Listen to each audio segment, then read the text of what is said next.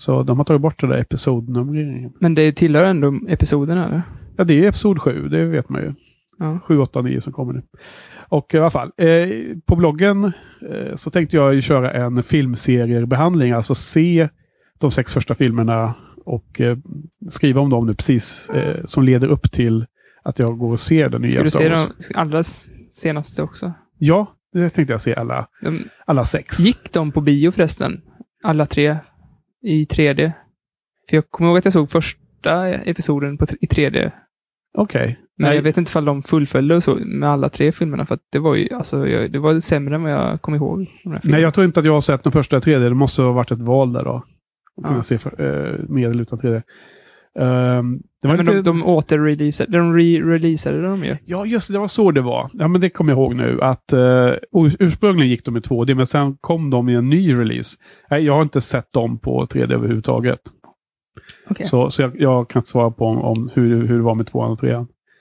Det var en lite intressant diskussion jag hade med Jojje om uh, ordningen man ska se. Om man vill se alla sex som förberedelse och kul upp, uh, upprampning inför sjuan här nu då. Ja. Eh, få, få lite energi tillbaka och lite pepp inför den nya filmen. Eh, då är frågeställningen, ska man se dem i eh, eh, kronologisk ordning som de gjordes? Alltså att man ser 4 till 6 först, de gamla, Ja. på 70 och 80-talet. Och sen ser man 1, 2, 3 som gjordes ja, 90 och runt eh, millennieskiftet. Eller ska man se dem i episodordning, alltså ettan, tvåan, ända upp till sexan? Har du någon åsikt om den? Alltså, Frågan. jag är så jäkla ointresserad av Star Wars. Jag, Ja.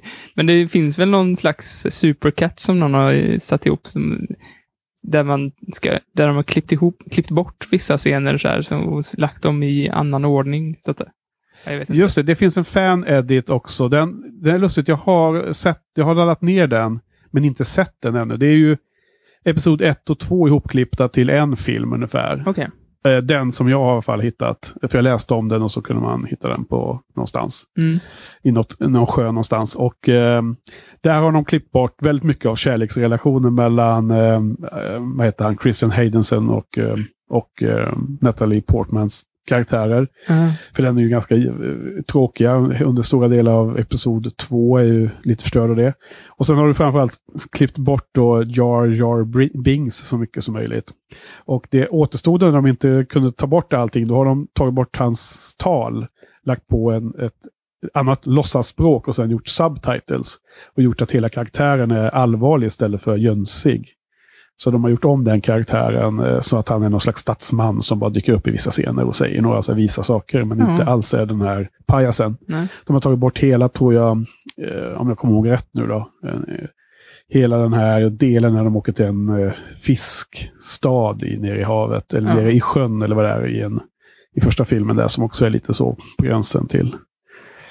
Ja, men eh, Nej, den, eh, den fan-edit är inte det jag tänker på. Utan eh, jag, jag ska se alla tre filmer, eller alla tre plus tre, alla sex filmerna och eh, skriva om, om dem på bloggen. För jag, blogg, jag har inte sett de där filmerna sedan, sedan eh, 2010 när bloggen startades. Mm. Det är kul att skriva av sig lite, men det blir en, eh, en episodordning för mig. Då, då. Det var det jag eh, bestämde mig för i alla fall. För i någon mening så är det den ordningen som händelserna sker. Men framför allt, den största anledningen är ju att jag tycker att Episod 1, 2, 3 är klart mycket sämre som alla vanliga eh, filmfans tycker. Och eh, då har man diskat av dem först och så ser man de nostalgiska, ja, bättre filmerna, Episod 4, 5, 6 då, Mm, lite mm, närmare in på sjuan. Så man kan komma in till sjuan med den något bättre feelingen där då. Mm. Jag ska nog också se om dem, fast jag ska skippa de där nya. Jag pallar inte. Livet är för kort på att kolla på skitfilmer. Ja, precis. Nu har man dem ändå här hemma och ja, de är ändå inköpta, de finns där och ja, jag ska nog ändå ge dem chansen att se dem. Och det blir också kul att, att ehm, ja, du vet eh, när jag kör mina filmserier, behandlingar, så man, man, man täcker in lite olika perspektiv från, från alla filmerna i serien och jämför dem mellan varandra. Så det blir lite mer roligt att jämföra alla sex. Då. Det eh, Ja. kommer ju vara de lite svagare och sen lite starkare. Får vi se. Så ja, just det. Ja. Men det var om Star Wars. Det var inte Star Wars den här podden handlade om. Ska vi, vad säger du? Ska vi köra igång? Ja, det gör vi va?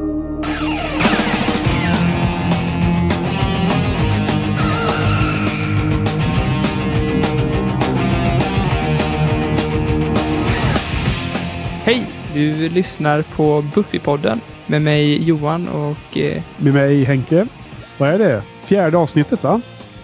ja, det är det. Av podden. Av podden ja. Ja. Mm. Idag ska vi avhandla tre avsnitt va? Ja. Idag är det tre avsnitt igen. Eh, och de vi ska prata om idag som vi har sett i, idag. Det är åttonde avsnittet. I, Robot, You, Yale. Sen är nian som heter The Puppet Show och sen är det avsnitt 10 som heter Nightmares. Ja. Och sen är det bara två avsnitt kvar. Sen är det bara två avsnitt kvar som vi tar nästa vecka. Mm. Och då ska vi också eh, klämma i med en liten säsongsavslutning, en liten sammanfattning på hela Season 1 av tv-serien. Mm. Vi har fått lite korrespondens va? Ja, på, eh, på hem, webbsidan, hemsidan, buffypodden.se. Ja. Berätta. Ska jag berätta? Det är du som har kommentarerna framför dig. Ja. Men eh, ja, Sofia hade skrivit lite. Eh, vad, vad skrev hon för någonting? ja, det var himla kul. Det var lite, eh, vad heter det, reflektioner över vad vi pratade om förra gången. Det var ju eh, det som The Pack, Just det. den gillar hon inte heller, det avsnittet. Nej, hon jämförde med att det var lite så här, att det, allt nollställs på slutet. Ja, Eh, med, som Simpsons och South Park. Men jag, jag tänkte på en grej där. Jag började se om Jess, Jessica Jones, eller se om, jag börjat se på Jessica Jones. ja, det är alltså en ny Marvel-serie Ja, från Netflix. Samma värld som, eh, som Daredevil. Okej. Eh, så mörk, jävligt Ja. mörk. Ja, jävligt för- bra faktiskt, tycker jag. Ja, precis. För, för jag har ju inte kommit till skott med att se Daredevil. Jag har hört många Nej. Eh, som har pratat om den. Patrik bland annat nere i Göteborg och att eh, den är mörk och bra. Ja. Och, det, Ja. och hur var det? Var den här ännu mörkare eller? Ja, det tycker jag nog. Den, alltså, och den var, alltså Daredevil tog några avsnitt för att komma in i, för att sig vid karaktären. Men här var ju svinbra från första avsnittet och svinmörkt från första avsnittet. Men Intressant, Jag intressant. hittade en intressant parallell däremot till The Pack, där, där de hade kunnat göra det egentligen lika mörkt. Mhm. För i, i Jessica Jones så är, handlar det ju om den här, eh, the, the Big, eh, det, de här, den onda killen i säsongen. Ja, The Big Bad. ja, The Big Bad, ja, precis. Han eh, kan eh, få folk att göra saker mot deras vil- vilja. Som i The Pack Ja. så blev de också så här, gjorde saker som inte tillhörde deras personlighet. Just det. Men här är- blir det så jävla mörkt för att det får sådana konsekvenser Ja, efteråt. Och det, och de, och det är liksom som en metafor eller parallell mot så här, alkoholism och Ja. andra så här, verkliga problem som Mm. människor kan ha. Så att eh, det, där gör de ju det som The Pack totalt misslyckades med. precis. Det är ju med, med rätta poängterat att det var inga konsekvenser av de här sakerna. Trots att de till och med kom ihåg allt vad de hade gjort i det Mm. avsnittet. Alltså det, det är med rätta att det, det är en stor svaghet i det här. Och, och vi, återkommer ju till det att det är vissa av de här episoderna i eh, första säsongen som kanske inte riktigt är up, up to par med den nivå man väntar sig. Mm. Men eh, för att avsluta runt där, Devil och eh, Jess, vad heter hon? Jessica Jones? Nej? Yes. Eh, är det, kan du rekommendera båda serierna för oss som inte har sett något av det? Eller? Ja, verkligen. Måste, Eh, måste man se dem i ordning? Eller? Nej, avsnitten behöver man ju se i ordning. Självklart, men, men, nej, men jag, blir, jag blir liksom sugen på att se Jessica Jones typ med en gång. du Men, behöver inte se det där. Det nej, de hör, hör inte ihop Nej. på det sättet. Nej. Men det, jag tycker det är roligt, de ger lite mer så hintar mot att, att eh, Marvel-universat, alltså filmerna, Ja, existerar i samma värld i Jessica Jones. okej. För det kändes i Daredevil kändes det som att det här, det här är ett annat Marvel-universum. Ja. Men i Jessica Jones så är det verkligen tydligt att det är, det är samma. Ja. Trots att det är så himla mycket mörkare. Är det någon kändis som spelar huvudpersonen? Eller? Jag, jag känner igen henne från Breaking Bad mest då. Jaha, Eh, Men hon är ju svinbra. okej. Alla är svinbra. Jag har inte sett Breaking Bad heller eftersom jag missade tåget och har aldrig riktigt kommit, kommit till skott där heller. Men det, Mm. det, det är för mig att du älskar den va? Ja, det är typ bland det bästa som gjorts. Ja. Det är så lustigt för att en del tycker att det är otroligt bra. Alltså det är flera som verkligen Mm. tycker att det, måste, att det verkar vara topp fem alla serier. Men jag har också hört kompisar som säger att det är liksom okej. Ja, men det men, alla som tycker det är så himla bra eh, snackar ju om det hela tiden och då blir det ju förväntningarna så jävla höga och då, Ja. ja. Jo, jag vet. Det där är nästan så att man känner att, det var därför jag nämnde att man nästan uh, missat tåget. Att ja. om man inte såg det medan hypen höll på att utvecklas och byggas upp så Ja. kanske man har, har missat helt enkelt. Men vi får se, jag, jag kanske tar den också någon gång. Jag tror att första säsongen är väl jättekort så att man kan ge den en chans och se Ja. om man gillar stilen. ja, men så känner jag lite med typ Sopranos, att så här, Ja, hypen har varit så stor så att jag tappar lusten bara därför nästan. du, ser ju boxen där ovanför mitt huvud här någonstans. Så där. Ah, försöker borta. du kompensera för något? Eller? Ja, det är en stor box, ja. Ja, eh, man, vem vet. Jag har inte heller sett den. Och det är också det så här att den är så bra så att man måste se den och samtidigt går man och väntar på, eller man går och tänker att ja, men den, den, den har redan slutat gå på Ja. tv, ingen pratar om den. Har du inte sett Sopranos? Nej. Nej, du, du, du är lika stor prylnörd som jag är. Alltså. Ja, men alltså, ja, men den har, jag har ju köpt den med anledning av att vilja se den någon gång, men jag försökte... När man, det har inte blivit av helt Nej. enkelt. Och, och sen nu när den inte går längre, det inte finns en, en nästa säsong som man ska tarma in och så vidare, då kan den hela tiden väljas att, det- att den kommer inte ett snäpp Ja. längre ner i kön Man får göra tiden. en podcast om den för att Ja, få en anledning att Då- se på den. Istället för att se om en sån här gammal eh, serie som vi håller på med nu. Ja, men det var Sofia som pratade om The Pack. Det var ju jättekul att hon eh, Ja. skrev om det här. Och så skrev hon skrev någonting om Angel också. Ja, hon var ju lite... Hon eh, höll ju med dig till fullo där då om Att Angel att genom att kass säga, säga tvärtom mot vad du sa.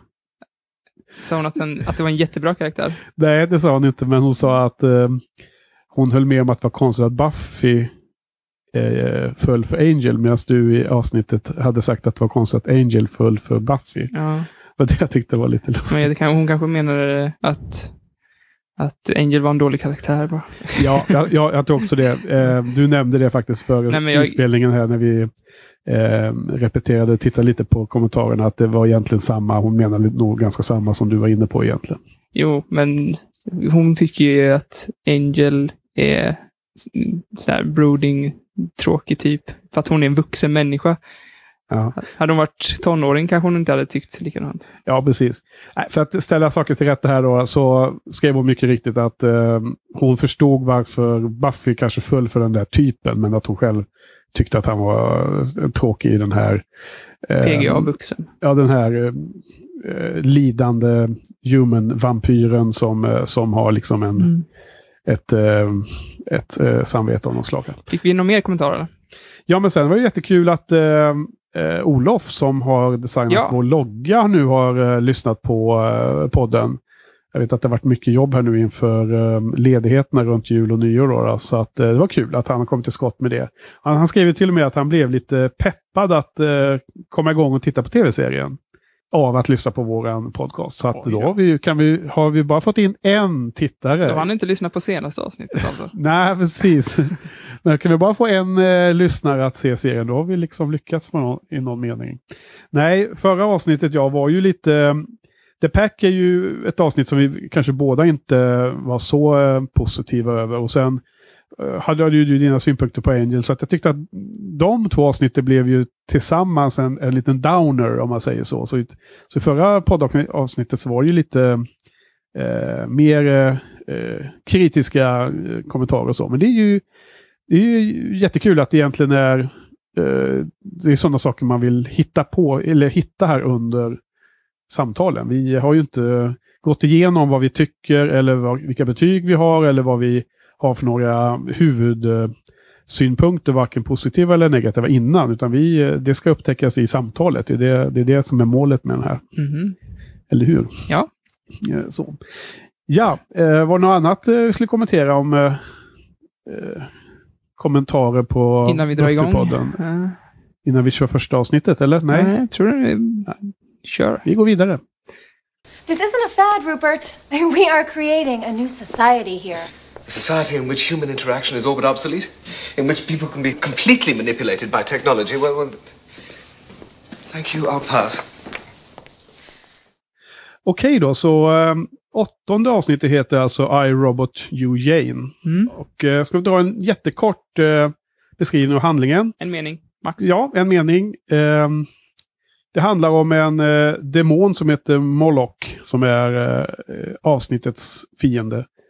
Han har blivit fångad i en bok och eh, om man läser den boken så kommer den demonen fria, frias från, från det, det fängelset han sitter fast i boken.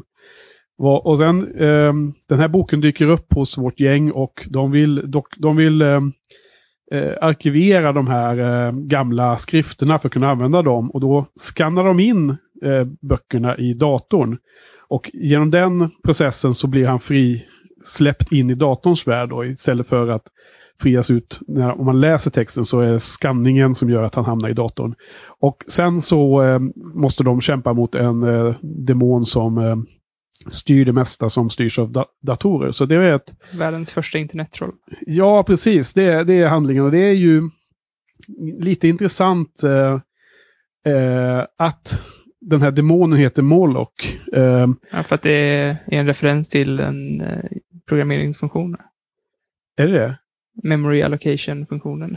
Ah, okej. Nu, är- okej. Det där eh, Det är lite jag... intressant också att, att eh, han har sådana referenser. Han, han, Joss verkar ju vara duktig på datorer och så, för det han hade, jag har för mig att det var något avsnitt innan också där de hade så här ganska, alltså de programmerade på lektionsstil liksom. Ja, Och sen, sen så, så ballar ur i det här plötsligt. Ja, alltså vad lustigt det är, för jag, eh, även om man jobbar med, med eh, systemutveckling så är det inte riktigt mitt, min hemmabana att programmera själv. Nej, Eh, så jag, jag var inte riktigt, hade inte koll på det, för att vad jag tänkte på och vad som är min fråga till dig är ju att Moloch är ju också den stora maskinen i den här gamla klassiska stumfilmen Metropolis från 1927. Eh, har du sett den? Nej, Men du vet vilken... Nej men jag, jag har sett eh, teatern för- bara några veckor sedan. Okej, men, eh, teater. Ja, den var ganska lång och eh, när, jag antar att det är den här roboten du refererar till. Ja, precis. Moloch är ju en, en stor maskin med en stor mun där människorna går in i eh, och det tillbeds. Jag, jag såg den här filmen för eh, två år sedan ungefär. Ehm, i mitt, eh, jag tittade på gamla filmer i det här decennierprojektet på bloggen. När Ja. jag betade av gamla Ja, klassiker. Ja, då är nog teatern ganska mycket annorlunda tror jag. alltså den, hela den där ehm, filmen är ju för det första otroligt fascinerande. Det skulle jag verkligen rekom- rekommendera dig att se. Ja. Det finns en massa olika versioner av den, så att du får väl eh, ta någon som verkar eh, läsa, läsa på det. Men det, det är ju en eh, tysk eh, stumfilm och eh, egentligen så är det väl, vad heter det, konflikten där mellan eh, företagsledaren som utnyttjar de anställda på ett dåligt sätt och att, att man måste vara mer eh, connectad till sitt eh, hjärta och känsloliv. Det finns en, en slags eh, eh, eh, motstånd där och eh, Klasskillnader. klasskillnader också med och eh, det finns en, eh, en eh, evil kvinnlig robot, Evil Maria, som heter Okej, lustigt. det var nog den jag tänkte på då. Jaha, Inte Moloch. vadå? Som jag tänkte på när jag... När du... Från, från teatern? Ja. Ja, men det finns också i alla fall ett mm, typ monster som heter Moloch i den filmen. Och eh, det var det jag kopplade till varför, varför den här demonen skulle heta det. Då. Men det hade du ju nästan kanske en bättre anledning till att den hette det. Men, men eh, jag ska ju säga att det var, jag läste ju en recap. Det var därifrån jag såg att den... Eh, eh, det var faktiskt en systemvetare som hade skrivit den recensionen. Ja, Och eh, jag tyckte det var lite roligt också att han skrev, han så här, nu är jag systemvetare så ja, det kanske är därför jag stör mig lite extra på de här, att det, det inte är accurate, alla dat datordelar. Alltså bara, men det är också Men- så himla, himla gammalt. Jag menar, om det här skulle hända nu, nu idag så skulle ju alla datorer direkt bli smittade. Men här Ja, börjar jag de ju prata om... även på den tiden så hade man inte behövt vara systemvetare för att fatta att det här är bara bonkers allting. Jo, visst alltså, men det... Jag det tror att tiden nästan legitimerar den här eh, dåliga, eh, liksom, det dåliga på något sätt. Jo, men det, alltså, man får ju eh, se genom fingrarna när det gäller själva exakt hur de förklarar allting rent tekniskt. Det är ju mer idén som är intressant att, att eh, fundera på. När, när själva eh, demonen på internet och eh, vad det då representerar. Vilken, eh, vilken, vad heter det, liknelse eller eh, idé är det som de jobbar med i avsnittet. Men jag menar, det, det som jag tyckte var lite lustigt med som var så tidsdaterat är att de pratar om modem och så. Det, Ja. det, de, eh, eh, datorer som är kopplade till de här modemen blir liksom smittade och sådana saker. Tror jag de snackar om. Ja, men en, eh, en sak som också var rätt daterad var när det kändes så jävla töntigt när Buffy frågade Willow bara, om, om den här ki nya killen som hon hade träffat. Ja, ja. Bara, men hur ser han ut då? Jag har inte sett honom. Och så ja. Buffys min bara, ja. har du inte sett honom? I, i, i den, dagens oh samhälle där, där, alla internetdejtar och sådana ja. saker. Ja. Där, ja. Och man inte vet Man hur... swipar höger och man grindar och grejer. Ja, men och liksom folk som är på olika forum och kan aldrig veta hur den andra ser ut. Så att det, alltså, jag, jag tycker att det avsnittet är lite halvsuget. Det är ju det, är ju det klart svagaste av de här tre vi sett idag och ett ja. av de svagare i säsongen. Eh, och hela den här idén med den här eh, Morlock. Och slutet är ju extra kast tycker jag, när den, han, blir, han har lyckats bygga upp en robot som man ska eh, hoppa in i. Så ja. att han ska få fysisk form. Det är lite synd också för att jag tänkte på, alltså precis när jag, när, man, när jag såg honom så tänkte jag på Resident Evil 2 faktiskt. Ja. Som är ett av mina favoritspel eh, ever. Och där är det, de, mitt i spelet, och jag var ganska ung när jag spelade, så jag var ju svinrädd. Men då kommer det en helikopter, tror jag det är, och släpper ner typ en, en, en kapsel med ett, ett monster, jag tror det är Mr X eller något sånt där. Ja. Och han, där sätts alla regler i spelet ur spel. Okay. så man, Resident Evil funkar så att det, man kan liksom cleara ett rum och så är man säker och vissa rum är man säker i och sådär. Ja. Men den här jävla Mr X, han kunde bara gå genom väggar liksom och satte alla regler ur spel. Och det hade de gjort en sån, för han gick ju genom väggar och sådär. Ja, han, kan, han, han slog sig genom väggar i alla fall. Ja, han kunde ju blivit så himla mycket läskigare. Ja. För, för ja, konceptet, så har det varit ofta tycker jag, att koncepten är så himla bra, men de är så himla dåligt. Är... Ja, alltså det här är ju inte läskigt det minsta tycker jag. Nej, verkligen inte. Och det, det har nog... Uh, Ja, och det, det är som, precis som du säger, alltså koncepten är intressanta och här är ett typiskt sånt fall. För jag menar, vi är ju, idag är det ju liksom närmare och närmare det faktum, alltså vi närmar oss science fiction med att man pratar om the, the internet of things. Alltså inte bara mobiltelefoner och datorer ska uppkopplade mot internet utan även prylar. Eh, du vet, eh, parkeringsautomater, eh, kylskåpet, eh, du ska kunna eh, boka tvätttid på i tvättstugan via en app på internet och så vidare. Mer, allting kommer bli connectat. Vi... Ja, men alltså det här med att vi är så nära framtiden. Ja. Är inte det snarare ett tecken på att vi har blivit dåliga på att fantisera? Att vi inte har något nytt att se fram emot när vi väl hamnar där vi har tänkt, det här är framtiden, så är vi där och så har vi inte kommit på något nytt. För lite science fiction har vi nu för tiden. Jo, för Internet alltså, of Flesh borde vi ha. Ja, jag, jag tänker att... Ja, jag vet inte om det är så dålig fantasi, för jag tror att vi... Om vi tittar eh, 20 år tillbaks till 1995 och jämför med hur livet var då när det gäller teknik och utvecklingen runt internet och sådana saker. Mm. Så en helt absurt snabb utveckling på 20 år. Och om vi inte får en kraftig instoppning på en sån här utveckling så, så kan jag bara dra slutsatsen att om, om vi tittar framåt 20 år, att det också blir en så otrolig utveckling som vi knappt kan föreställa oss idag.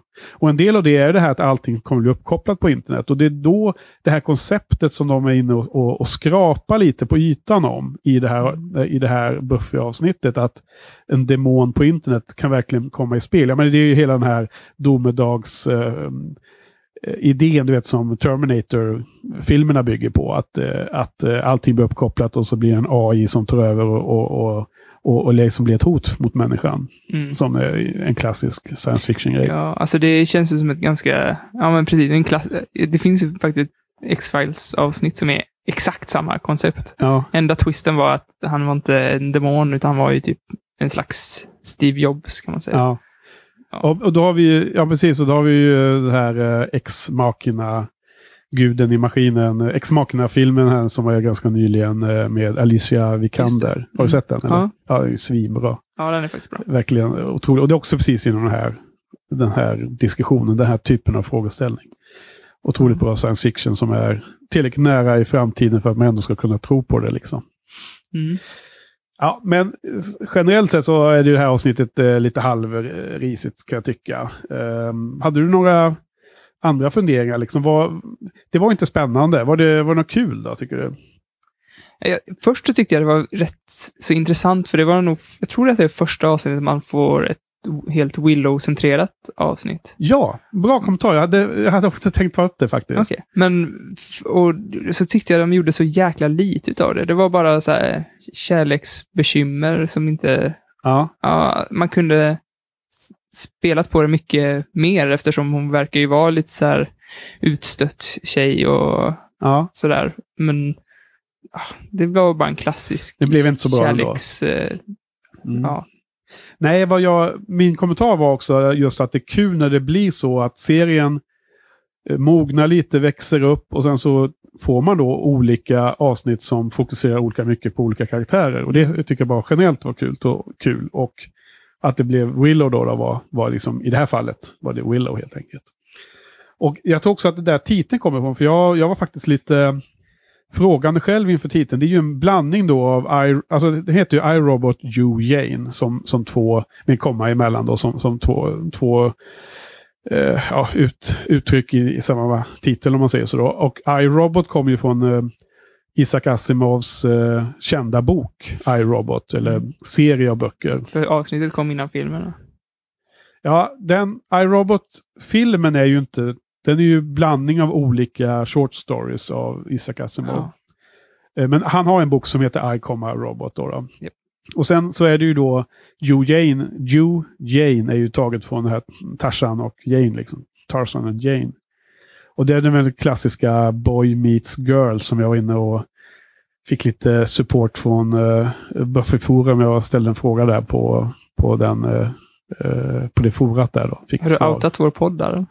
Nej, jag har, inte, jag har faktiskt inte gjort det ännu. Kanske är det dags att skriva en liten Bring kommentar. Shitstorms. Ja. Nej, jag vet inte om, eh, om vi gör, gör, det inför säsong två eller något sånt när vi har, när vi har eh, Här, härdat oss lite. Ja, precis. ja, nej, men så det, den titeln, jag tycker att det, okay, jag förstår fortfarande faktiskt inte riktigt vad är poängen med att eh, hitta på det namnet på det sättet. Ja, jag känner inte riktigt att det var helt, helt klockrent. Var, eh, var det... Nej, men det kändes inte så genom, smart, Finns det något smart i det där som man missar? Kan man vara lite orolig. Vad, vad är, vad är riktigt? Är det iTars and Jujain var det va? Ja, jag tror att det, det, det, det citatet finns nog inte exakt taget, utan det är nog, har nog skapats av eh, publiken i efterhand. Mm. Liksom, att det ska vara taget från någon dialog i någon film tror jag. När han mm. är eh, Tarzan. Jag, jag, jag tror inte ens jag har sett någon Tarzan-film, men man har ju ändå koll på storyn på något sätt, liksom från mm. uppväxten. med att Me, Tarzan, You, Jane. Det finns någon scen där tror jag som kanske har snurrat på någon sån här SVT-program någon gång när man får se clips från kända filmer. Ja, något annat då? Jag har bara en punkt kvar där på det. Ja, en punkt är mer än en att det är helt slut.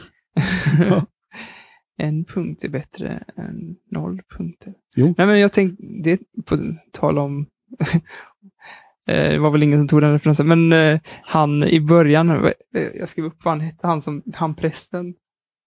It, det är Telonius. Ja. Telonius. Det, det lät väldigt mycket som att Jermaine Clement hade kommit på den, den, det namnet. Men jag tänkte på slutet också. Eh, där är det ju så här ehm, eh, lite allvarligt helt plötsligt. Ja. det, och det här är väl en liten Alex och Sigge-referens. Jag vet att du lyssnar på dem, så att, ja, ja. Eh, se om du kommer ihåg det. Men där eh, pratar de om mandom, mandomsprovet, slutet på mandomsprovet. Och i slutet av det här avsnittet, då säger de någonting i stil med um, vi kommer aldrig ha några normala relationer. Det kommer vara dis disaster och sånt där. Ja, ja. Från och med nu, vår, här, våra relationer kommer bara vara skit. Ja. Sen så skrattar de lite och sen så låter de kameran ligga kvar där ett tag ja. och eh, så blir de allvarliga och lite deppiga. Och så var det ju i mandomsprovet också när de hade snott eh, när han har snott bruden från kyrkan och de sitter på bussen därifrån så dröjer de kvar med kameran. Spoiler alert! Ja, den filmen är från 60-talet så det är okej. Okay. Ja, Nej, men jag kommer ihåg att Alex och Sigge har pratat om det. Eller rättare sagt, Sigge har pratat om det. Mm. Eh, och jag såg den filmen i det där Decennium-projektet eh, som en gammal klassiker som jag vill eh, diska av. Och den är ju lysande, mandomsprovet. Och den scenen, slutscenen är ju stor anledning till att filmen är så jäkla bra, tycker jag. Mm. Ja, men också musik, Sound of Silence med Simon Garfunkel som går på där i slutet. Ja. Eh, den här scenen som du lyfter upp i, i det här avsnittet är ju det som gör avsnittet för mig 100%. Det är, den, det är ju jätte...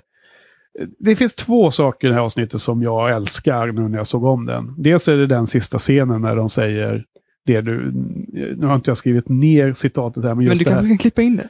Det har redan eh, sparats ner från, Ah. från avsnittet. Men kan du inte klippa in lite Simon och Garfunkel också? det kan vi också Som pröva. avslutning på...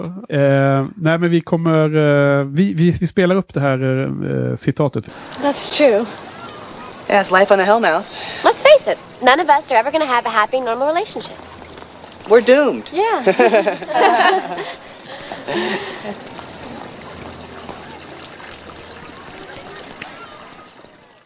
Scenen sen är så kul för att ehm, just det du, det du sa där att de, de säger där, haha, vi kommer aldrig få några, vet, några liksom bra relationer. Och så skrattar alla som har ett skämt. Men mitt i skrattet förstår alla tre samtidigt att lever man på on the hellmouth och eh, så som de har börjat inse så kanske, de inte, så, så kanske det var mer sanning i det än vad de hade tänkt sig först.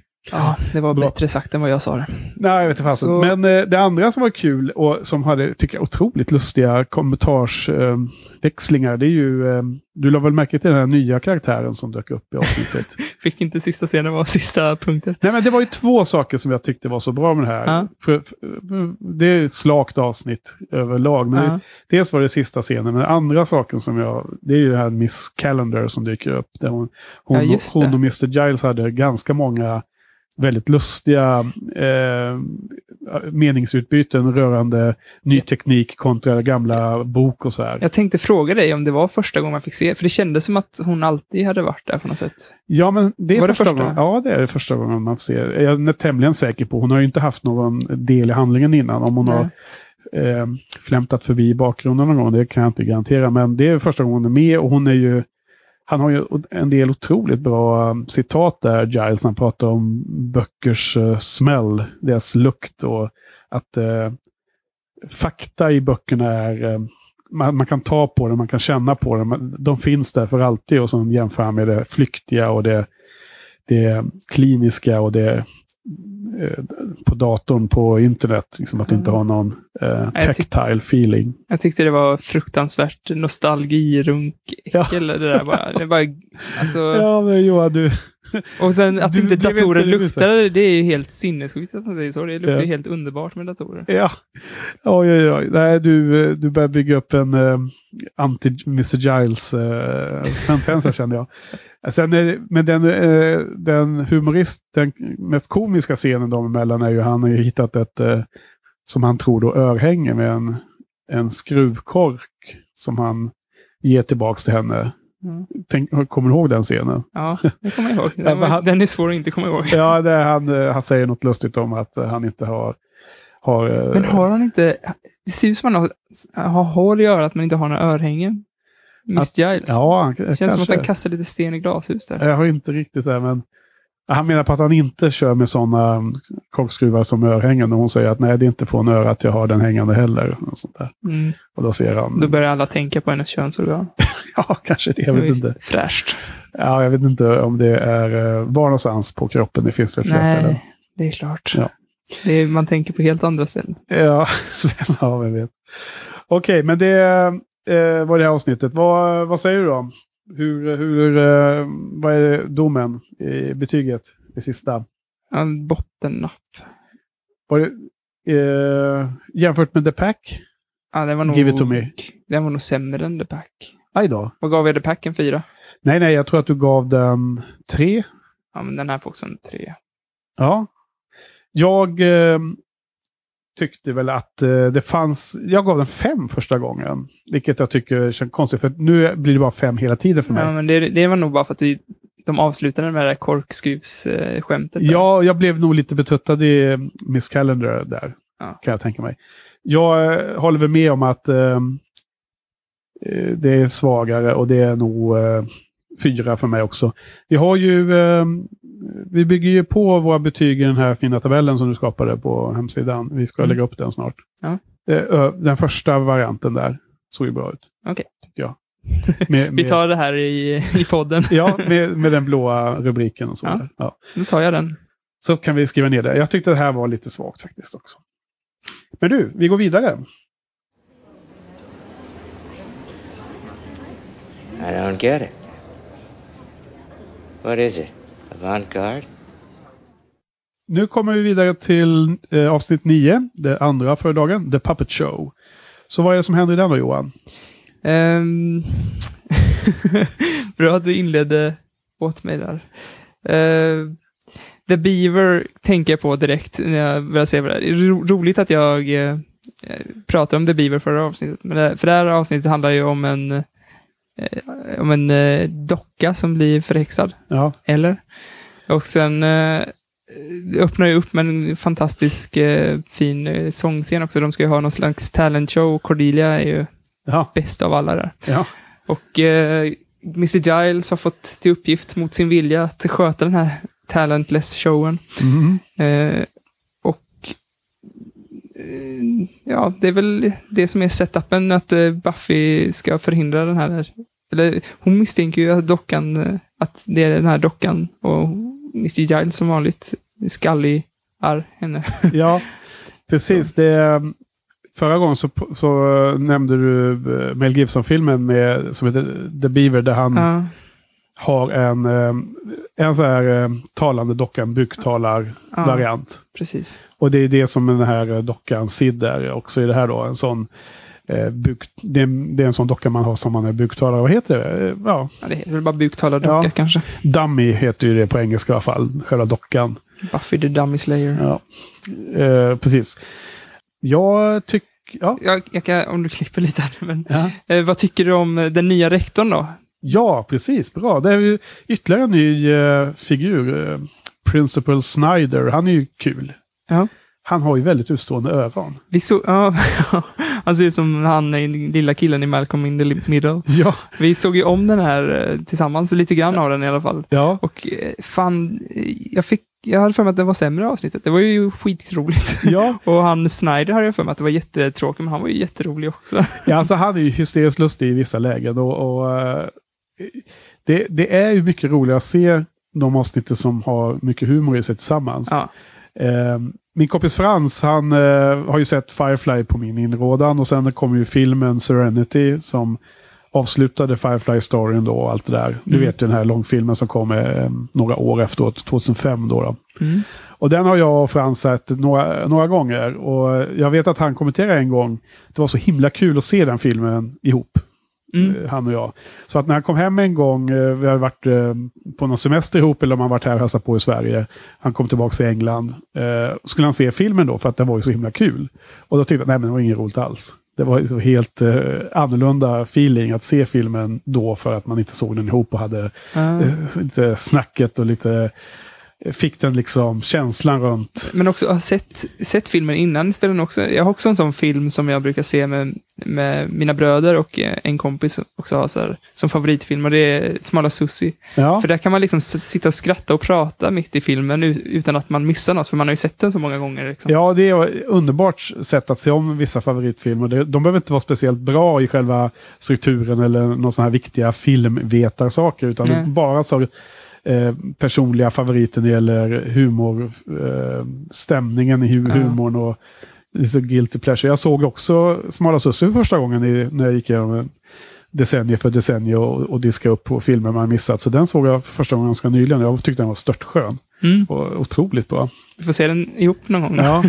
alltså, jag, jag gillar henne skarpt, även om det var lite synd att hon tyvärr tog bort... Vad heter hon? eh? Spoiler nu eller? Kommer en spoiler? Ja, spoiler. Okej. Nej, men Nej. att, eh, det är lugnt. att, Jag har sett eh, den några gånger. att Smala Sussie var med för lite helt enkelt. Ja, så tyckte, jag, tyckte jag var lite synd. Men eh, Principal Snyder, kul. Kul eh, typ. Man Ja. har lite svårt att placera honom faktiskt. Tycker ja. jag. Ja. Och speciellt nu efter ett avsnitt bara. Han lustiga öron. Det är en underbar scen när han står i motljus. Är helt i skuggan, man ser ingenting i ansiktet, utan man ser bara öronen och är helt röda. Är de. Lju- ljuset bakifrån lyser igenom, man ser nästan... Hade man kunnat zooma in hade man kunnat se blodådrorna känns det som. Han säger sköna kommentarer också när han säger att eh, det är sådana här liberala, liberalt tänk som att ungdomar är människor som leder till att man blir uppäten. Ja. Ja, ja, det, ja, det är otroligt kul. Ja. Alltså, jag hade ju sådana här utstående öron när jag var liten. Mm. Men mina föräldrar bestämde att vi skulle göra en sån ögonoperation som Jaha, fäller in dem så. är du, är du arg på dem nu då? Du har ju kanske haft värsta karaktären nu. om- Jag har inte varit speciellt upprörd över det. Tänk, Eh. tänk vad mycket uppmärksamhet du hade fått om du hade fått Jag har tänkt som tanken. Som, vux- som vuxen har jag tänkt tanken. Jag, jag har, som vuxen har jag tänkt att jag skulle hellre önskat att jag inte gjorde det. Så. Mm. Men då så var det ju, i mellanstadiet var det typiskt sånt som folk blev ganska hårt mobbade för. Mm. Så när det skedde så var det liksom, kändes det som en bra grej. Men eh, jag har tänkt, tänkt tanken både en och två gånger precis det du är inne på. Liksom, att, Mm, Sjukt, ja. Men eh, får man betala för sånt själv? För det är ju typ inte någon sjukdom eller så. jag vet inte, det här var ju 70-tal och jag är lite äldre än dig och det är ju... Det är ju... eh, på den tiden så tror jag att det var... Det kunde nog eh, så att säga, tas av det allmänna. Det var ingenting Mm. vi åkte iväg till någon... Jag vet inte ens om det fanns... eh, Alltså, jag tror inte det fanns privata läkare. Eh, absolut inte någon stor utbredd sån här plastikoperationsbransch på den Mm. tiden i Sverige. Det var gjort på de vanliga sjukhuset i alla fall. Det är inte Mm. något annat du vill berätta? Inga könskorrigeringar eller något? Nej, Nej, det får räcka med det för idag tror jag. eh, men åter till eh, avsnittet här då, så eh, jag har några kommentarer faktiskt om eh, själva strukturen på avsnittet. Mm. Vill du höra? Ja, tack. Nej, men jag, jag, jag tycker att det här är... Jag, jag kommer att tänka på att det här kändes som ett mer moget avsnitt jämfört med många av de andra. Ja, i alla fall de senaste fyra avsnitten. Ja, Eller Angel är väl undantaget då, men... ja Angel var ju mycket bakåtblick och, och lite origin, så den var ju också helt egen så. Vad jag, vad jag, jag tyckte och som jag tror kommer vara en, ett sätt de jobbar med lite mer i framtiden under serien är ju... Det inleddes ganska humoristiskt och sen blev det väldigt dramatiskt och ganska allvarsamt ett tag. Sen var det väldigt humoristiskt precis i slutet. De Mm. gjorde en, en sväng där och eh, avslutade på en mer positiv not. Eh, den här eh, eh, Demon Huntern som eh, Buffy stöter på och samarbetar med i slutändan. Som, som eh, har levt eh, jättelänge fångad i den här lilla kroppen. Och han har ju dödat sex av de sju demoner han måste ta hjälp på för att själv få dö. Eh, det är ju liksom... Den, den, den, den, det lilla mötet de hade när de satt och pratade, så jag tycker att det blev liksom bra. Och det blev dramatiskt. Jag, jag kände för den karaktären väldigt... Det såldes in väldigt väl. Jag tyckte att det var så skönt. Han han var en kul figur till att börja med. Han sa massor med roliga grejer.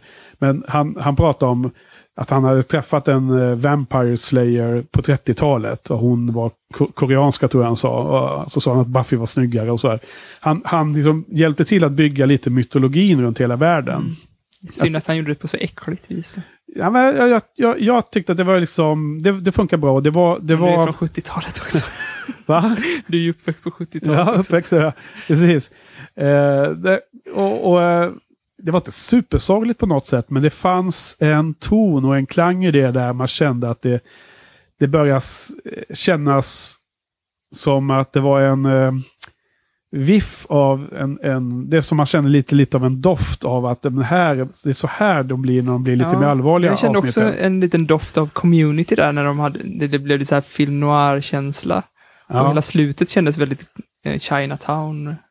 Ja, de kanske också spelade med den typen. Jag, jag vet bland annat den scenen nu kommenterade, kopplingen till Chinatown när vi såg ihop här nu. Fast jag tänker på allra sista där, Ja, när han dör. ja, ja. Det kändes som att eh, så här, it's, it's Chinatown. Alltså Okej. att han var så här, lite Ja. hård, hårda Ja. killen liksom. Han, han hade lite den stilen och det passar väl in på att han hade levt där då på de där eh, tidiga Mm. decennierna. Men, eh, nej, men vad jag vill komma till helt enkelt, försöka sammanfatta, det är att att jag tyckte att avsnittet som sådant var inte enkelspåret, det ena eller det andra, bara humor eller bara en konstig eh, mm, eh, vad heter det, motståndare, Monster of the Week. Utan det, var, det fanns en dynamik i avsnittet Mm. som jag tyckte ändå var ganska eh, lite bättre, har gjort lite utveckling. Ja, men jag tror att om man hade lagt mer tid på det här avsnittet hade det kunnat bli riktigt, riktigt bra faktiskt. Ja. För att det, nu får den här scenen som jag pratat om i varenda avsnitt väldigt mycket uppmärksamhet, men det representerar Joss Whedon så himla bra, det här öppningsscenen när man tror att en, en viss människa är vampyren och ser den andra människan vampyren. Ja. Men här liksom har de byggt upp hela avsnittet på en sån här vändning där man tror att dockan är den onda och sen inte den, den onda. Nej. Och det blir liksom, de här, de här små vinkarna blir mycket effektivare, men när, det, är- när de byggt upp hela avsnittet på det, och han dessutom är jävligt, jag tyckte i alla fall att han var ganska oskön, även fast han var god helt plötsligt. Ja, han var ju bara- skön. Han var ju han var så jäkla sarkastisk och lite... Men Jag gillar ju sarkastiska, men inte, jag tyckte han bara var Ja. ocharmig. Men han var ju, han var väl i och för sig ganska less. Han var ju lite som, kommer ni ihåg The Comedy-filmen som folk Ja. blev, så upprörda över? Den här, eh, han var ju, alltså den här eh, Sid var ju, han var ju säkert deprimerad om man säger så. Han, eh, han ville bara dö. Han ville bara bli, bli klar med det här upp, uppdraget att döda de här jäkla sju demonerna så han kunde få, få, få sluta bo, leva i den här eh, trädockan. Ja. Och sen skulle han bara dö. Det var ju det, var ju det som var målet för honom. Men han verkar ju ändå... Då kan de kunde tagit det lite längre i så fall. Ja. Visa det lite bättre istället för att han verkar ju också vara lite så här livsnjutare som Ja. tänder på små tjejer och sådär. Men- Fast- ja, det är alltså det... det ja, deras ålder där. Ja, nej, men det, det är klart att när de är 20 och så är då, det är svårt att se det som mycket, jättemycket små tjejer. Men visst, deras ålder i skriptet är ju 16 och 17 och sånt där. Ja, men jag tyckte... Han är ju en docka också. Nej, men jag tyckte bara han var äcklig. Jag tyckte inte Ja, han men var så charmig. Jag hade, hade ja, det var kul när han hade en boner också i en scen. Men det, det kanske... Ja, Ja, vi kan bara konstatera att vi tycker olika där. ja. Vad heter det? Men eh, Snyder gillar vi båda. Mm. Tog jag det som. Verkligen. Lustig figur. Och jag gillar dialogerna mellan, mellan personerna, även om jag inte gillar storyn så himla bra. Ja. Så, Jag tyckte att det var lite kul här att eh, i säsong ett så finns det ju inte några dubbelavsnitt. I säsong två finns det väl tre eller om det är fyra dubbelavsnitt där. det finns väl två dubbelavsnitt i säsong ett. Ja, vänta, det finns, ja vad dum jag är. Första och andra avsnittet är ju ett dubbelavsnitt. Det är precis det jag menar. Eh, Och, och sista och näst sista. nej, jag tror inte att de hänger ihop som definierade dubbelavsnitt. Nähä. För jag såg i alla fall att Joss Whedon var writer och director på båda de två sista. Ja, okej, vad bra. Det är ju lovande inför nästa poddavsnitt. Ja, för de två sista avsnitten har varit lite bättre, en liten kvalitetsökning och nu ser jag verkligen fram emot Ja, säsongsavslutningen. här. precis. Eh, Men jag var ju helt, eh, helt ute och cyklade där. Första och andra avsnittet är ju ett dubbelavsnitt. Men jag tror inte att eh, de 11 och 12 då är ett, ett definierat som ett dubbelavsnitt. Det får vi dubbelkolla inför nästa gång. Kan vi reda ut det där. Mm. Eh, så att, men vilken fall som helst, nian och 10, The Puppet Show och- Nightmares är ju inte ett dubbelavsnitt som, som jag eh, ser det när man läser episodguides och sådana saker på internet. Men ändå så hör de ihop väldigt mycket. Det är väldigt mycket som eh, sätts en frö här i detta avsnitt som sen används i Nightmares. Det är flera saker i det här avsnittet som folk säger, saker som de eh, är jätterädda för, som sen då återanvänds i Nightmares, avsnittet Nightmares. Eh, Dels har vi det att Willow, det är så himla tydligt att hon inte vill eh, framträda på scen och sjunga inför publik. Och sen har vi ju en jätterolig eh, liten, liten detalj som sen återkommer i avsnittet efter det här med när Mr. Giles, för att bli av med Cordelia, eh, ser orolig ut och pekar lite på hennes hår och antyder att hon har något fel med håret. Och hon bara rusar iväg för att hon måste fixa till sig. Hon är så, blir så uppjagad över att det kanske är fel på hennes hår. Mm. De sen också används i nästa avsnitt. Ja. Och det, och det är för övrigt då Sanders som har tipsat Giles om att han kan eh, antyda något om hennes hår så blir man av med henne. Ja. Ja, jag, det kändes inte så Joss Whedon. Det kändes, det kändes lite för stereotypiskt det skämtet, skämtet Ja. för Joss Whedon. Jag tycker det är konstigt att de inte använder dockan på... De har ju gått, de har gått all in på klichén i Nightmares ju. Och eh, vara rädd för dockor är ju iberkliché och det hade ju varit en fin callback kanske att ha, ha med det. Du menar eh, den här Dummy-dockan? Ja. ja. Men är det någon som är så rädd för den där? Ja, lite så kanske. Buffy var ju det. Ja, hon, hon, Hon hade ju värsta utläggningen om hur hon inte ja just det. Exakt. Ganska rolig utläggning på den Ja, delen. för hon sa också att det var inget speciellt det. Hon, var bara, hon bara riste av det. Liksom. Ja, det, vad, vad, vad hände med dockor när du var liten som var Ja. så himla speciellt? Jo, jag såg den här dockan. Ja, det, det var inte mer än så. Nej, var- Hon var bara rädd för dem helt enkelt. Ja, jag tror att generellt sett så när man läser i början eh, eh, vem som skrivit avsnittet och vem som regisserat det så hajar man ju till lite extra om det är Joss som har gjort det då. Mm. Men eh, generellt sett över alla säsonger så även om det är någon annan- som har skrivit avsnittet så har de ju eh, eh, har Joss varit inne och eh, sett över dialogen mer eller mindre i varenda avsnitt. Han är tydligen. väl, vet du, sån här show, Runner. showrunner. Ja, precis. Ja, ja, vad, vad som var, okej, även om inte Giles kommentar om Cordelias hår var eh, världens mest roliga stand-up comedy-skämt, så det roliga i den scenen tycker jag är att man har aldrig fått se Sander berätta det här för Giles. Det har skett utanför off-screen. Mm. Men man förstår nu att Giles har, har på något sätt varit och Sander har pratat om det faktum att man vill bli av med Cordelia ibland. Och att, att, att Sander har berättat det för Giles. Ja. Det, det är det jag tycker är kul med den scenen, att man förstår vad som har hänt Mm. som leder upp till den här. Ja, den saknar bara den där twist, Joss-twisten också. Ja. Annars har den varit väldigt bra. Men, Ja. men eh, det, det är ju roligt när Sanders stör, han stör sig väldigt mycket på, på Cordelia. När de Ja. står där i ljuset och hon- ni, ni står för ljuset och, bara, och allt kretsar inte kring dig Cordelia. Alltså, Ja.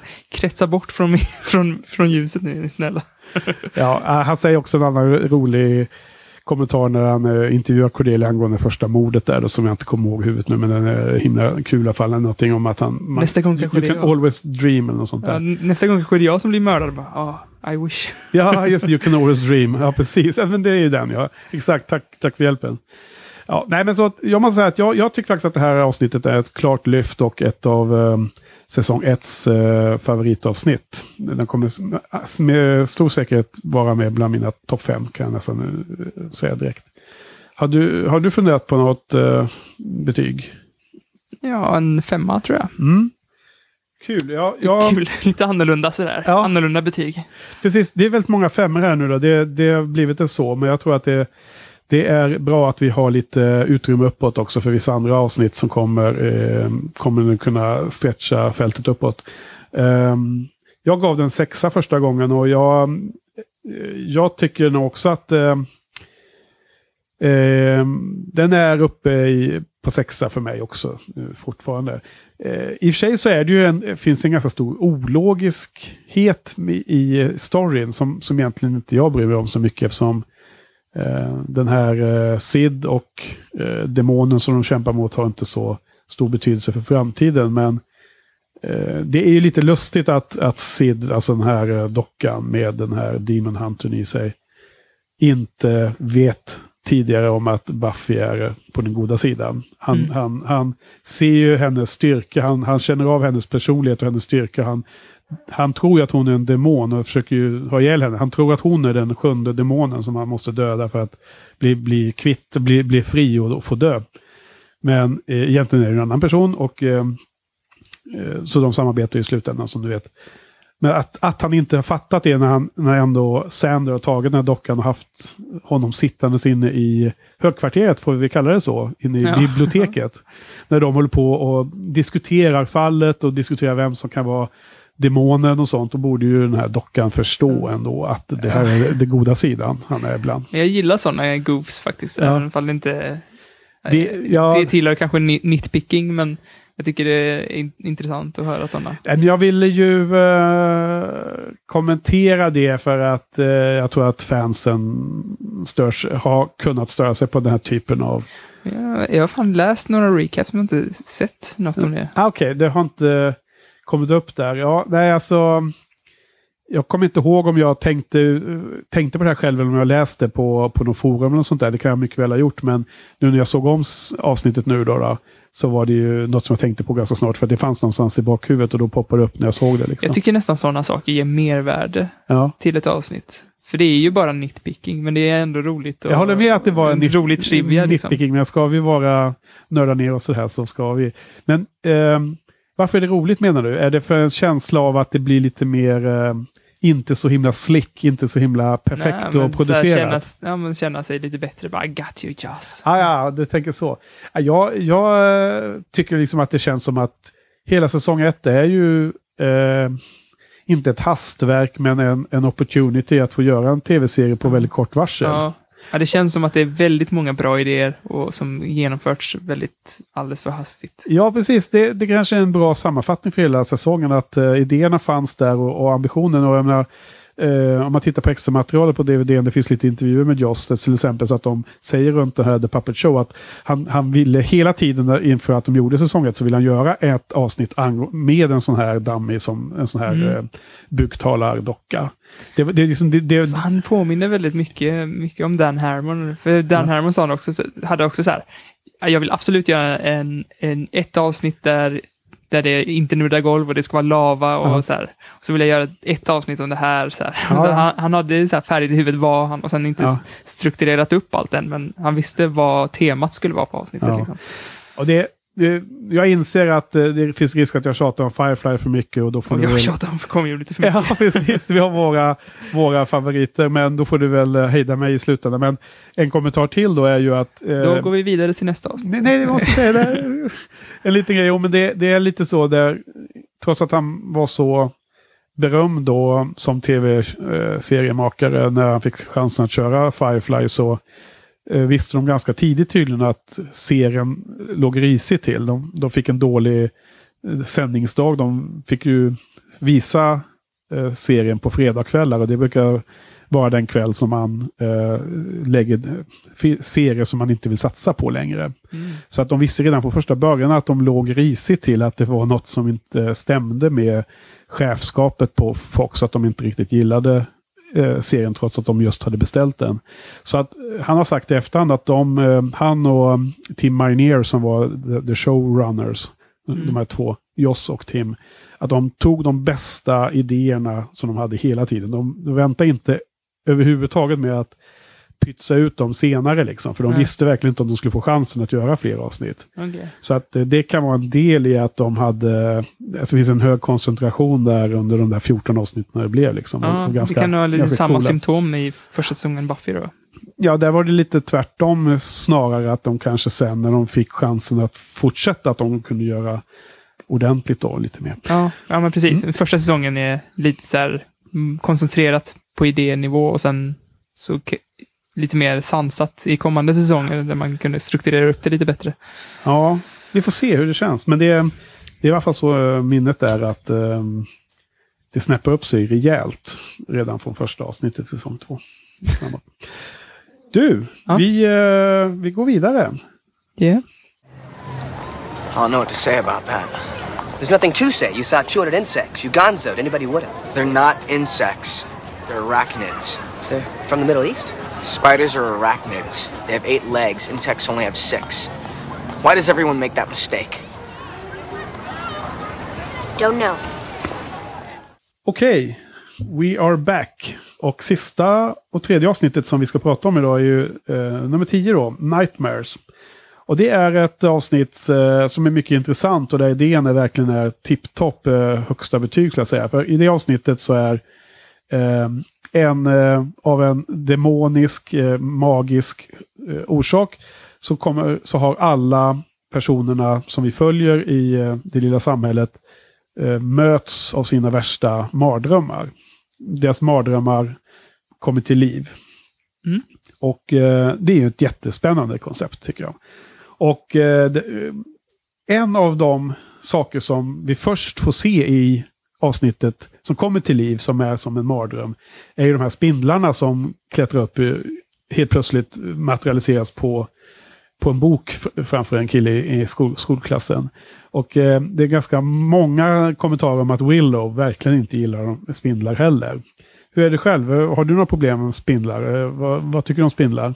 Är du rädd för dem? Nej, nej, jag är inte så rädd för dem. Jag kommer ihåg, nu blir det så här anekdot igen, men, Ja. men eh, jag bodde i Chile, då hade de sådana här stora fågelspindlar. Jag kommer ihåg att min mamma var ganska rädd för dem. Och hon, det stod- satt en som precis bredvid mig och så började hon sk- liksom skrika och grejer och så här, flytta på dig. Ja, vä- vänta nu, nu, nu måste du reda ut några saker här. Ja, Är de giftiga? nej, inte det, de är jättesnälla. Är det de som är på ryggen på Indiana Jones? Eh, det har jag ingen aning om. De här stora när han plockar bort dem i inledningen på första... På... Alltså, eh, vet inte. Men Indiana Jones, du har väl sett dem? Jakten på skatten? Ja, det Måste jag vi måste klippa dem också? Jag vet inte, Ja. jag vet inte ja, vilka men det, de spindlar. stora och lurviga Ja. och så. Mm. Okej. Men den jag tror de kallas fågelspindlar Ja, fall, om man det vill googla. Jag, jag tror det är de som sitter på ryggen. Han, han är cool. Han bara flyttar bort dem. Hans, en av hans uh, hjälpredor där i inledningsscenen på Jakten skatten har ju massor med sådana på ryggen. Eh, Ja. De tar bort. Men den stora frågan, vadå bott i Chile? Har du bott i Chile? Ja, alltså när jag var liten, det var ganska länge sedan. Ja, men var det? Hur länge sedan var det? Eller? Ja, det var när jag var tio år kanske. Jaha, och hur länge bodde ni där då? Ett par år. Mina föräldrar var volontärer där. Okej. Men eh, ja, då... Men då, vad coolt, alltså, så det är, du du spanska då eller? Eh, alltså jag har ju två halvchilenare till bröder, men jag, nej, den Nej. är ju fan rostig alltså. Okej, okej. Ja. Det var lustigt, jag var ju i Chile på Sydamerikaresan här nu i höstas, i september, jag och Patrik. Ja. Och ehm, vi var ju i fyra, jag har aldrig varit i Sydamerika innan och, och Patrik inte, hade inte heller varit där och vi ville ju se så mycket som möjligt. Så vi var ju där i nästan två veckor, det var väl tolv dagar tror jag vi var borta och vi, vi åkte i fyra länder.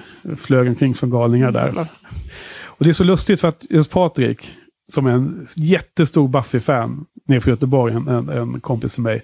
Han är ju rädd för spindlar alltså. Så eh, det var ju, vi fick ju kolla liksom i, där vi bodde i hotellen och så här om det var, liksom, kolla att det var safe inne i ja, duschrum och sådana grejer, liksom, på toaletterna och så. Ja, för det, det, det, de här, det är mycket kryp där. Alltså. De har ju så här, vad heter det, skorpioner och grejer. Ja, De är väl det är farliga? inte kul. Är inte de farliga? För jag vet, jag kommer ihåg, de fanns ju överallt. De lyfte på sten. Det var ju som Ja. gråsuggor typ. Jag har ju en annan kompis, Anders, eh, docenten, som bor i New Mexico i USA. Ja. Där i ökenlandskap i Los Alamos. Och jag tror att det var en skorpion han pratade om. Att alltså, han, han verkligen gjorde det som man ska göra. Att man tömmer, tar, tar sådana här boots eller Ja. stövlar. Och, och liksom skakar ur dem Ja, upp och ner på. Och det var ett, ett, en sån typ skorpion eller någon, en spindel i hans Ja. eh, stövel. Som han då hade kunnat, ja, jag vet inte vad som hade hänt. Det beror på vad Har det var, vilket, vilket djur det var då. Okej, ja, men ha, det var ju lustigt att höra. Uh, bott i Chile hade jag faktiskt ingen aning om. Ja, Ja, vi, Ja. vi lär känna varandra i podden. precis. Vi, har snart spenderat mer tid i podden. Ja, övrig tid. Ja, så Nightmares då, vad, vad tyckte du om det här avsnittet då? Eh, jag, jag tycker det är lite så här tråkigt val av mardrömmar. Och det är också tillbaks till det, att det är så himla o-Joss Whedon. Att bara, bara ta de så här klassiska mardrömmarna som alla har och Ja. inte sätta någon twist på dem. Det, det är bara, ja men det är det här. Det är Ja. clownen och det är... Ja, clownen var jättebra. det, det är världens vanligaste kliché. Jag, liksom. jag är inte rädd för, för, för clowner, men jag tycker det återkom nästan om och om igen så pratar folk om att clowner är så äckliga. Ja. I den senaste Pixar-filmen Inside Out så var det också den här clownen. Ja, men det är ju överallt. Ja. Eh, vet, mm, Kevin Smiths kompis, vet han, Jeff, Jeff, han gjorde ju en hel film om Just en clown. det. Den har jag här någonstans. Den ska vara superdålig. Jag har inte ens sett den Ja, tror den jag. är ganska dålig. Det, är, det är en arg clown på om, omslaget. Ja, precis. Det är han som spelar huvudrollen i Clerks som har gjort den. Är det det? Ja, han är med i alla fall. Nej, Nej, det, nej det, han har inte det, gjort han, han har en... Jag tror att... Undrar om han... ja, Han har bara haft biroller i Kevin Smiths Ja. filmer. Han säger Tell him Steve Davey i Mallrats till exempel. Det, han hade en replik där. Men han har, verkar ha psykiska problem, den killen. Nej, alltså jag vet, det är en av de tre filmerna som jag har här någonstans i bokhyllan. För att det var ju en, någon utmaning på bloggarna. Det var, eller om det var något tema, kommer jag inte ihåg. Där man skulle nämna tre filmer som man hade i sin samling som, man, Ja, som var de sämsta. Ja. Den var med där. Ja, Och fast hur hette den egentligen? jag kommer inte ihåg det. Eh, en annan film var ju också som jag köpte när jag var som mest hypad över Ke- eh, Kevin Smith. Det var den här Drawing Flies. En film som är gjord av eh, det här hans produktionsbolag Askew eller vad de heter. VUSQ. Ja. Det var den nummer två. Det var de två, så var det ytterligare en. Jag hade någon gammal sunkig 80-talsfilm som jag eh, tog med på min lista. Men du, eh, okej, så du söker Joss Whedon-twister. Alltså jag tror nog att eh, där får nog förväntningarna skruvas tillbaks lite. För att jag tror inte att, att varje avsnitt kommer innehålla en twist av det slaget. Utan jag tror nog att twisten är mer på eh, lite längre sikt i den här serien. Skulle jag tippa. Så det, det var, då var den här dock-avsnittet ett dåligt exempel på hur det kommer bli då? Att eh, det är sådana här långa twister. nej, inte direkt. Men alltså, eh, jag menar, om vi nu jämför med community igen så är det, bygger den mycket mer på sån typ av humor än vad humorn i den här serien bygger på. Här bygger det på att du lär känna karaktärerna, det som vi båda är ute efter under säsong ett. Vi vill få mer fördjupning av karaktärerna. Det gör inte så mycket om det är ett dåligt Ja. eh, Monster of the Week, så länge vi får en bra karaktärsutveckling. Ja, du, Sen kan man latcha med dem. du berättade ju att, att det var att du, du varnade lite för det här avsnittet, att det var lite att, att de drog, satte saker, att vad var det för, Det var The Pack som du jämförde lite med, att det, att det var lika extremt på något sätt. Att det, det här avsnittet egentligen skulle komma senare, där man kunde leka lite mer med karaktärerna på något sätt. Ja, det var det jag sa om The Pack, men jag vet inte om jag refererar till Nightmares någonting. Jo, det var det. Du, du gav mig en varning innan jag lämnade dig förra, förra avsnittet. Då sa du, ja, ja men, jag frågade, är det, är det några bra avsnitt? Ja, men, Nightmares kan vara lite som The Pack, att, det, att eh, de, de, de tar karaktärerna lite till extremerna. Men jag, om du inte vill kännas vid den Eh, kommentaren. Så jag, har, jag har ingen minne av det. Är du så säker på att du, att du inte har läst det där på någon... eh, Jag kanske har inbillat att jag Ja, jag vet inte. Därför jag måste bara säga att jag, jag tyckte att när jag såg det här första gången så tyckte jag nog att det var... Då, då var jag nog i nitpicking-mod och såg en del svagheter. För jag har skrivit i mina gamla eller, anteckningarna där fem av tio. Men alltså nu tycker jag att det här var jättebra det här avsnittet. Jaha, Jag tycker det här är nog det bästa som varit hittills den här säsongen. oj. Alltså det är ju... Det är ju förvisso ganska tidigt, menar, eller ja, tidigt och tidigt, vilket är det? Det är avsnitt nummer 10. Så jag tycker man ändå har hunnit bygga karaktärerna väl så bra. Det, deras eh, mardrömmar som blir, kommer till liv är i varierande grad kul. Ja, men jag tycker, jag tycker de utforskar karaktärerna bra. Alltså jag, jag hade förväntat mig, eftersom du la den där kommentaren, att, Ja. att karaktärerna, att de skulle vara lite off character. Och att eh, det var för tidigt liksom, i, Ja. att visa det. här. Alltså, Men- jag måste men ha sagt någonting som du har misstolkat eller tolkat på annorlunda sätt. Jag måste ha menat något annat för jag känner inte alls igen att, att jag gjort en Nej, jämförelse. men jag, i alla fall så hade jag det, Ja. de förväntningarna Ja, jag det, jag jag, tittade Ja, på dem. Men jag tyckte, Ja. ja. men, jag tycker de här, det här ger mervärde till karaktärerna. Speciellt Buffy då. Ja, och det är Buffys mardrömmar som jag tycker är klart bäst. Och Mr. Giles. Mm. Och där är det också så lite missed opportunity. Jaha. Med, med tanke på pa- pappan Är där. Buffys då? Ja, Buffy pa och pappan där. För hade de bara tonat ner den där scenen med pappan som säger att hon inte gillar sin dotter i princip. Då, så att den var lite så här, det här skulle kunna hända på riktigt. Då hade den känts mycket ja, okej. ledsammare. För, Precis samma kommentar som du hade om Sanders personlighetsförväxling Ja. när han, precis. när han eh, fick en 180 graders eh, personlighetsförändring. För, det, för de, de, de är ju inte i dröm... Alltså, de går inte runt och är så här dåsiga och lite så här eh, sömndruckna, liksom, utan de är ju liksom skarpa i huvudet allihop. Så att, så att om någon, är så där överdrivet, då kan man ju tänka så här, vad är det för fel på det här? Ja, ja. Då kanske de behöver tonas ner lite för att det ska Ja, kännas mer att, trovärdigt. att eh, du köpte inte att Buffy gick på det? Att hon inte Ja. direkt förstod att det här är en mardröm? Ja, precis. Ja, Jag måste säga att, eh, och för lyssnarnas skull då, då, för jag vet ju det nu Johan, vi måste ju ändå tänka på att, att eh, det finns flera som lyssnar som inte så att säga ser avsnitten eller har sett dem. Ja, men de får skylla sig själva. De får sköta sig själv. Men, men kort så är det ju att eh, Buffys föräldrar är nyligen skilda och hon ska träffa sin pappa den här helgen efter skolan. Och man får tidigt veta att hon är lite orolig att han inte ska dyka upp då. då även om hon inte...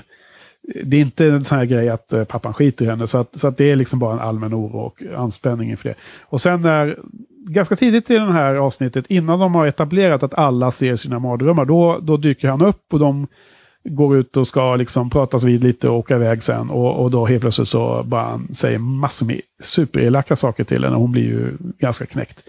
Det är ju förvisso så pass tidigt i avsnittet så att det ska gå att kunna tänka sig att hon inte förstår att allting är mardrömmar.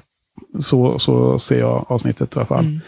Och det andra är att jag kommer nog ihåg det som att jag inte köpte den, eh, den scenen fullt ut när jag såg den första gången. Men nu så, så tog den ganska hårt faktiskt. Den grep tag i, i liksom i magen på mig. Mm. Jag fick en klump i halsen. Jag tyckte faktiskt att den var ganska...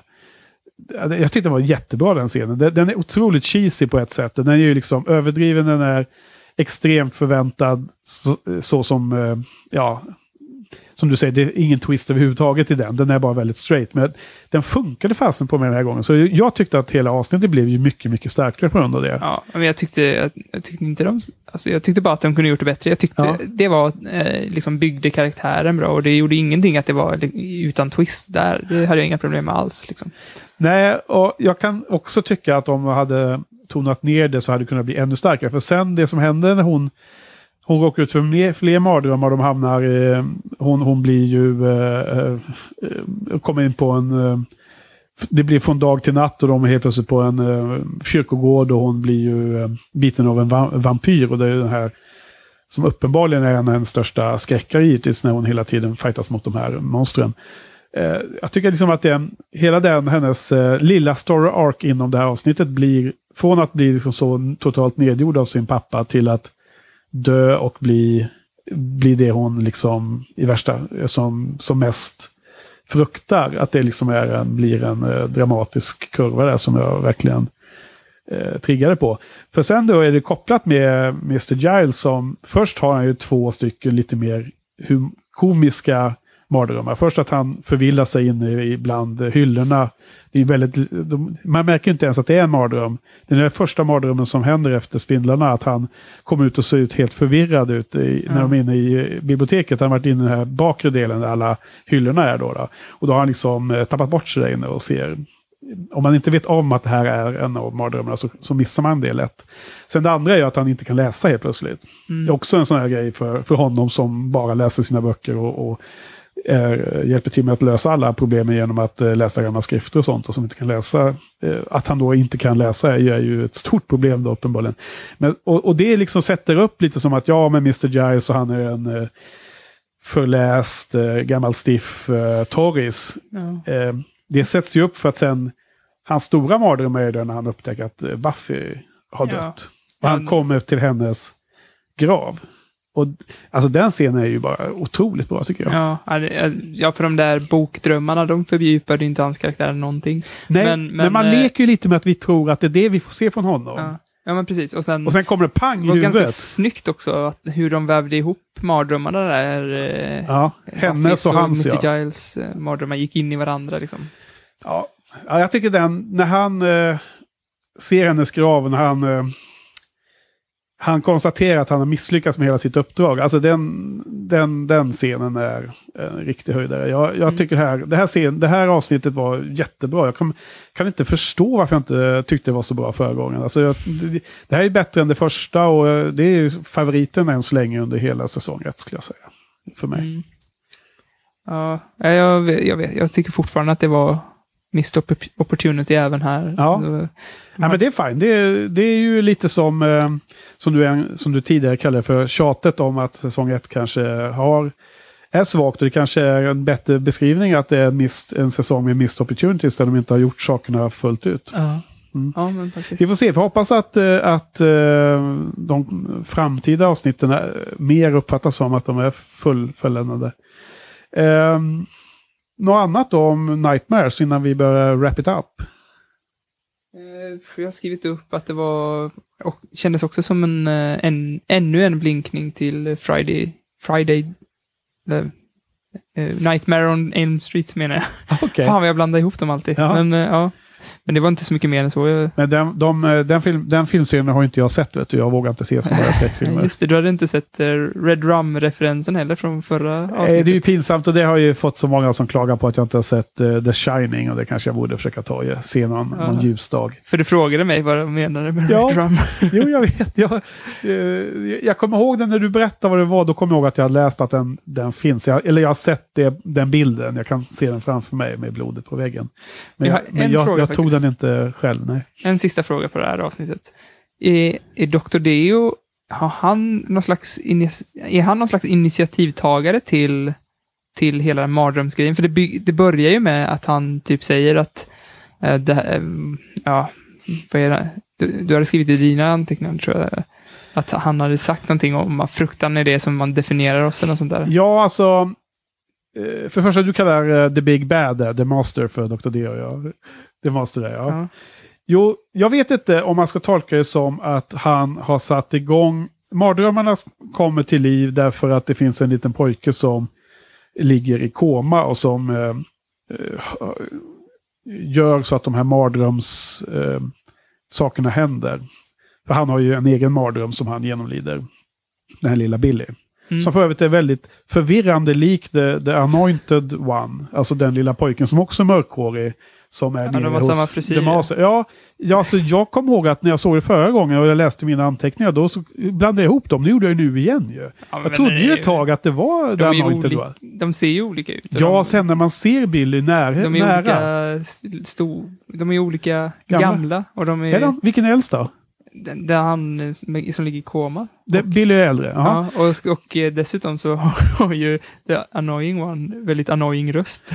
Ja, precis. Men alltså första gången när man ser Billy så, så tittar han in i klassrummet. säger inget. Nej, han tittar in väldigt snabbt då när spindlarna materialiserar sig från intet. Och sen så, syns en annan gång när, när nästa mardröm händer. Eh, Cordelia får ju den här dåliga frisyren bland annat och blir insläpad där i någon schackklubb och så. Hon har ju Ja. lite annorlundare mardrömmar. Billy kanske borde ha den frisyren istället så att man kan hålla isär. Ja, men i alla fall. Eh, så om, om det här som händer med Billy och det som skapar det här problemet i hela Sunnydale, om det då är skapat av Mas- The Master, ja, det har inte jag riktigt funderat på. Men det är helt sant att det, det är en inledningsscen där han säger att eh, skrev någonting här då. Just det, Fear is the most powerful, powerful force.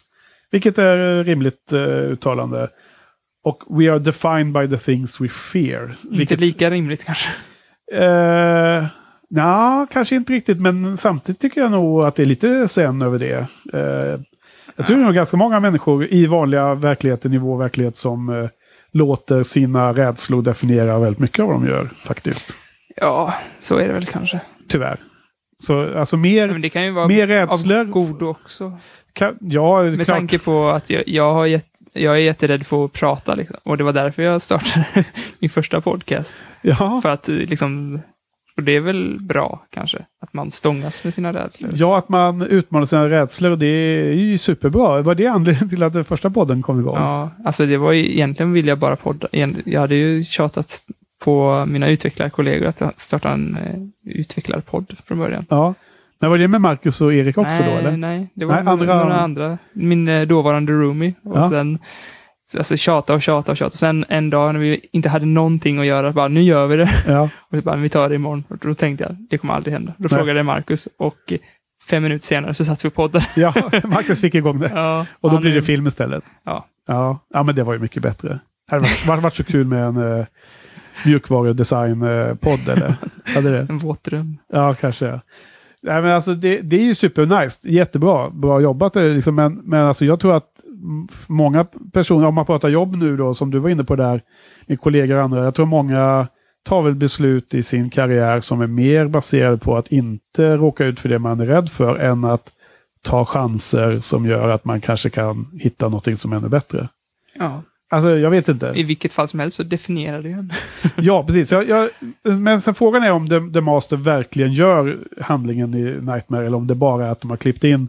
Han, är ju, han kör sina manér, han håller lite föreläsning och lite tal för The, Annoying, eller The Anointed One där.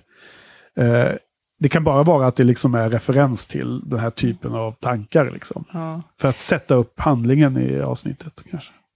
Men jag, min flickvän tänkte på att han, eh, Dr. Deo, hade samma kroppsspråk som Nosferatu, de här gamla filmerna. Ja. Det känns som att de har tagit lite... Ja, Jag tycker han är stört skön den skådespelare som spelar Ja. den här Master. Du, kollar tillsammans med flickvännen eller? Alla avsnitt? Ja, hon kollar lite till och från. Hon, Ja. är, hon är mer Downton Abbey-period nu. Aha, okej. Det, Det- kanske jag, blir en liten clash där mellan serierna då. tänka nej, jag klarar inte av kostymfilmer.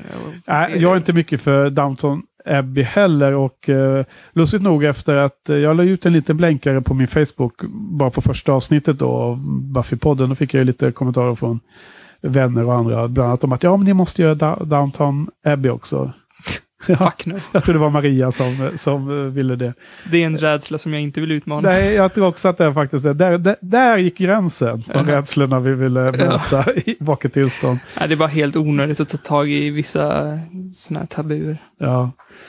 ja, vi får se eh, åt vilket håll vi utvecklar det här om något. Eh, men i alla fall. Eh, ja. Men det var väl det. Eh, har, har jag kanske belyst några saker som får dig att tycka att avsnittet eh, växer? Eller var det, vad tyckte du om det i slutändan? Jo, kanske. Kanske det här med att, att, eh, att Mr. Giles, eh, den här vändningen som Mr. Giles har. Jag tänkte ju på att, att deras mardrömmar gick ihop ganska fint. Men Ja. att Mr. Giles hade någon slags vändning där. en Joss-twist. Ja, det, det ja, hade jag inte tänkt på faktiskt. Så det är väl det som jag kan ta med mig då. ja nej, men jag, jag tror att det var nog uttänkt så. För att de flesta hade ju en mardröm och, som, som hände.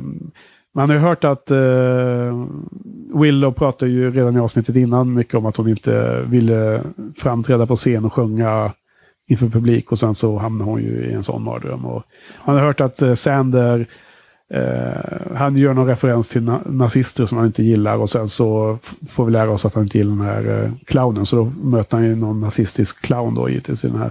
Så, så det var, det, Nazistisk. Ja, alltså när, när han kommer in till det, det skumma rum, hallen där han möter clownen till slut. Där är det massor med hakkors och så överallt. Jaha, det Du missade jag. tänkte inte på det. Nej. Eh, men det, är- därför är det lite kul att man kör två stycken mardrömmar för Giles. Så då ska publiken tänka att nu har man, nu har man redan diskat av Giles mardrömmar. Men det är ju, de är ju ingenting jämfört med det som hände i slutet.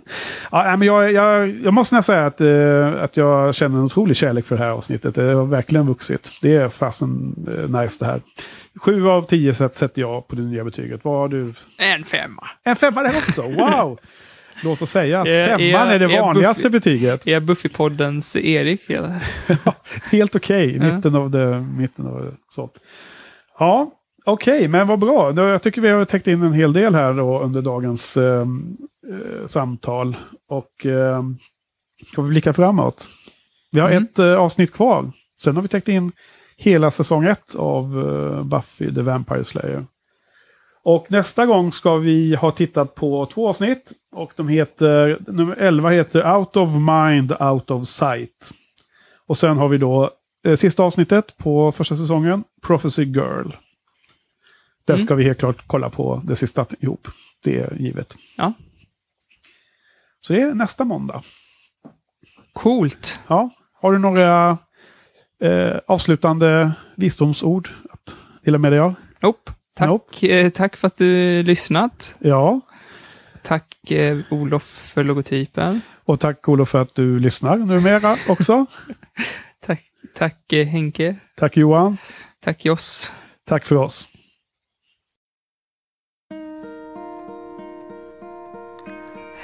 Darkness, my old friend. I've come to talk with you again. Because a vision softly creeping left its seeds while I was sleeping. And the vision that was planted in my brain still remains within the sound of silence. In restless dreams, I walked alone, narrow streets of cobblestone, neath the halo of a street lamp. I turned my collar to the cold and damp.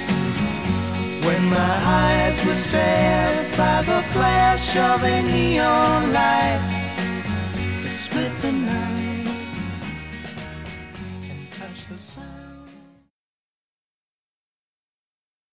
could be anyone. It could be me. It's not, though.